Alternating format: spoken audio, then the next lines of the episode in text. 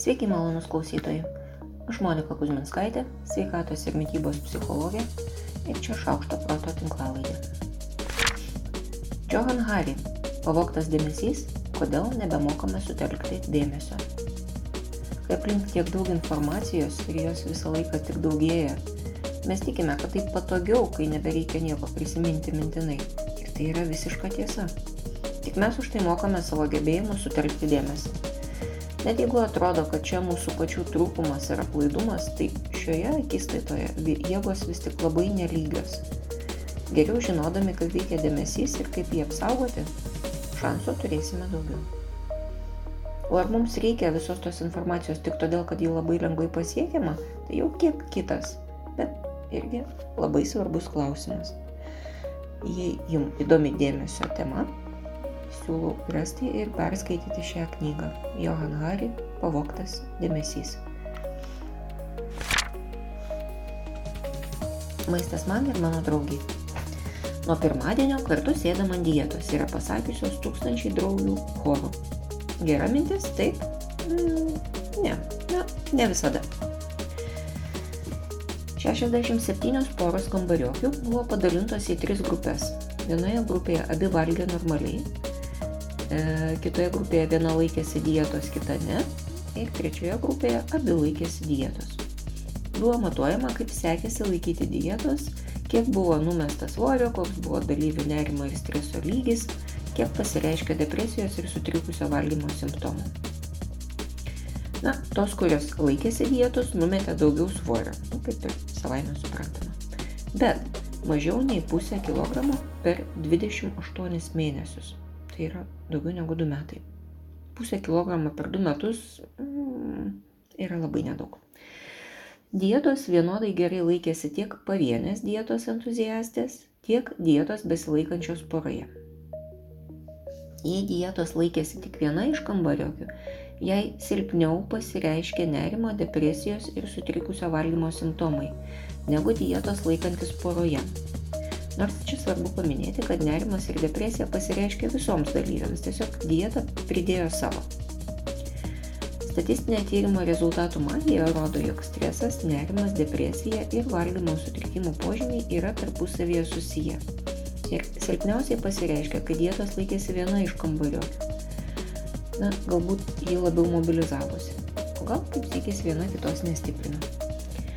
Tyrimo dalyvės buvo normalaus svorio, bet gal porose, kur abi dalyvės turi viršsvorį ir reikalai klostytųsi ir kitaip, to mes nežinom, šiame tyrime tai nebuvo nagrinėta. Beje, fizinis dalyvių aktyvumas taip pat nebuvo stebimas. Tyrėjai spėja, kad kai dalyvės laikosi dietos kartu, jos daugiau dalyjasi savo išgyvenamais sunkumais, todėl lyg ir skatina viena kitą nerimauti o nerimas veda į persivalgymą ir tai iš principo prieštarauja nusistatytam tikslui. Mytybos konsultantė Brigit Saiklin, komentuodama šį tyrimą, siūlo apgalvoti tokius dalykus. Pasirinkit tinkamą draugą ar draugę, ne tokį, kuris temsius gal ar pajoks, jei jums nesiseks. Pasirinkite realistišką planą, pavyzdžiui, neplanuokite numesti 15 kg per savaitę, Atkreipkite dėmesį į ženklus, kurie rodo, jog dieta neveikia. Mažiau kalbėkite apie dietą. Pavyzdžiui, skirkite tam per dieną 15 minučių. Ir viskas. Palaikymas nėra kalbėjimas apie dietą, palaikymas nėra kalbėjimas apie tai, kaip man sunku. Palaikymas yra kalbėjimas apie tai, kaip elgtis stipriau, geriau, labiau susikaupti.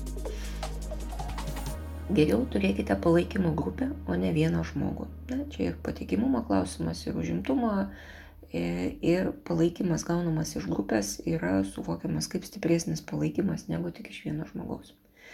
Galiausiai prisiminkite, kad jūs atsakingi patys, atsakingi jūs, o ne jūsų draugas ar draugė. Na ir dar. Tyrimai rodo, kad paauglių merginų grupėse, kuriams būdingas dėmesys kūno vaizdui, dietoms ir badavimui, klinikiniai požymiai pasireiškia žymiai stipriau. Galbūt merginas varžosi tarpusavyje. Siekiantis numesti svorio, numetė daugiau svorio, jei pasirinko palaikymą iš draugų, o ne iš šeimos narių. Reikia šiek tiek tolimesnio ryšio, negu kad pats artimiausias. Na, jei paklaustumėt manęs, tai norėčiau visur raudonų rašalų prirašyti. Kai sakau dieta, tai turiu omeny nuolatinius pokyčius tame, kaip valgote, pokyčius visam laikui, o ne savaitė ant kopūstus ribos. Su šitais tai ne, neprasidėkite.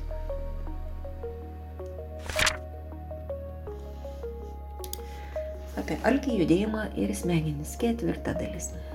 Grupė įdomių tyrimų, kurie puikiai demonstruoja, kad organizme viskas su visko susiję ir kad mytyba niekada nėra tik mytyba.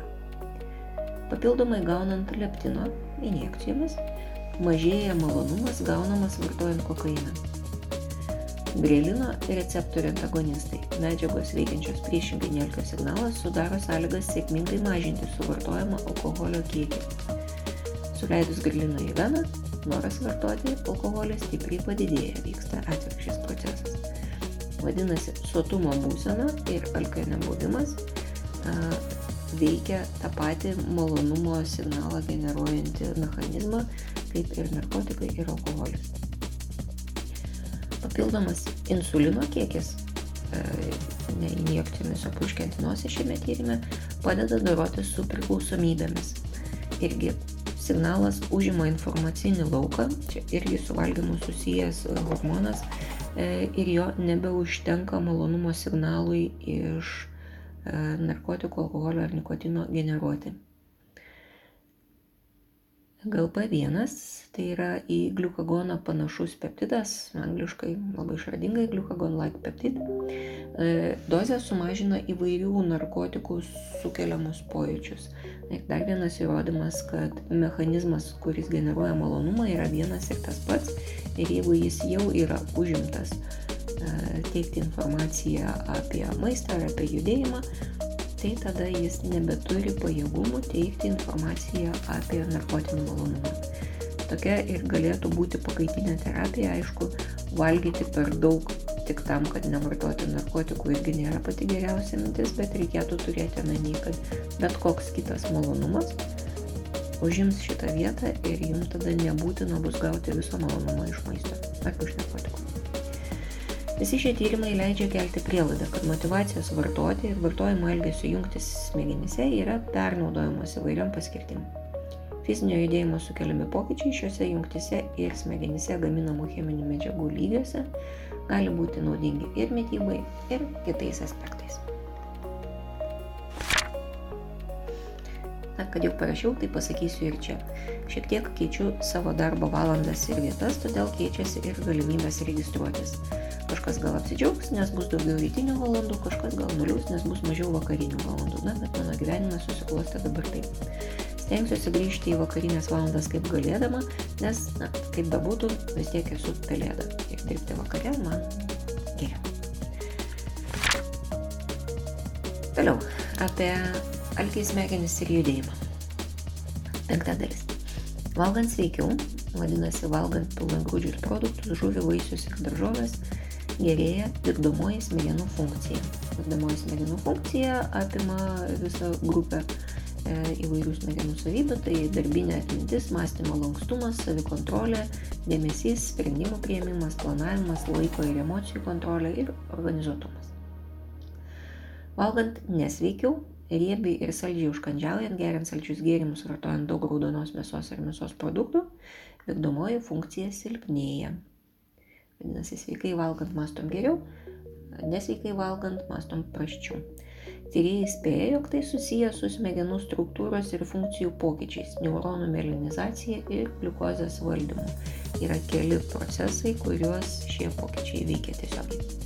Pokyčiai taip pat reiškia prastesnį gebėjimą suvokti alkio ir sotumo signalus, nes tai irgi yra sprendimas, kurį priimam savo pojūčių pagrindu ir šiam sprendimui priimti reikia gerai veikiančios vykdomosios funkcijos. O kai negebam suvokti alkio ir sotumo signalo, tai e, negebam prisim, gerai prisiminti ir iš maisto gaunamo malonumo. Savo ruoštų šie dalykai skatina persivalgymą, nutukimą ir dar didesnį mąstymo prastėjimą. Na, jau prasideda užburtas ir mums nepalankus ratas. Ryšys tarp e, valgymo ir su valgymu siejimo hormonų bei vykdomųjų funkcijų kaip ir aiškus, panašus ryšys egzistuoja ir tarp fizinio aktyvumo ir vykdomųjų funkcijų. Reguliari mankšta skatina vykdomųjų funkcijų veiklą, o tai savo ruoštų gerina darbinę atmintį, slopinančiąją kontrolę ir savireguliaciją. Tai sudaro palankesnės sąlygas mankštintis ir toliau formuotis įpročiams. Gaunasi toks geras užburtas ratas. Visos mankštos rūšys yra naudingos, panašu, kad koordinacijos reikalaujanti mankšta yra geriausia forma. Šokiai, joga su balansavimo reikalaujančiomis asanomis ir panašiai. Mankštos nauda nebūtinai siejama su jos kiekiu. Nebūtina mankštintis visą savo laisvą laiką tam, kad gautume daugiau naudos. Tyrėjai teigia, kad mankšta gali būti naudinga dviejopai. Arba todėl, kad gerina vykdomasias funkcijas ir savireguliaciją, arba todėl, kad bendrą patirimo malonumą iš maisto pakeičia malonumu iš mankštos. O greičiausiai veikia abu iš karto. Na ir turbūt paskutinė dalis, e, nors dar turbūt reikėtų padaryti ir apibendrinimą. Šiaip jau ir juokinga, ir liūdna, kad rašau apie smegenų, ar kalbu apie smegenų procesus taip sužmogintai. Na, tikiuosi būsiu suprasta teisingai, kad tai tik leidžia paprasčiau paaiškinti visų šių sudėtingų procesų esmę. Priimant sprendimus, smegenų procesai remiasi patirtimi apie malonius ir nemalonius patyrimus ir nuolat naudoja visų patirtų malonumų skalę.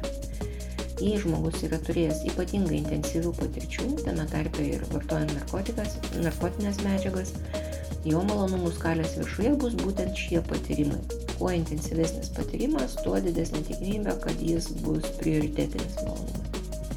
Renkantis iš kelių alternatyvų daugiausiai pastangų dedama pasiekti tai, kas malonumų skalėje ir yra aukščiausias malonumas.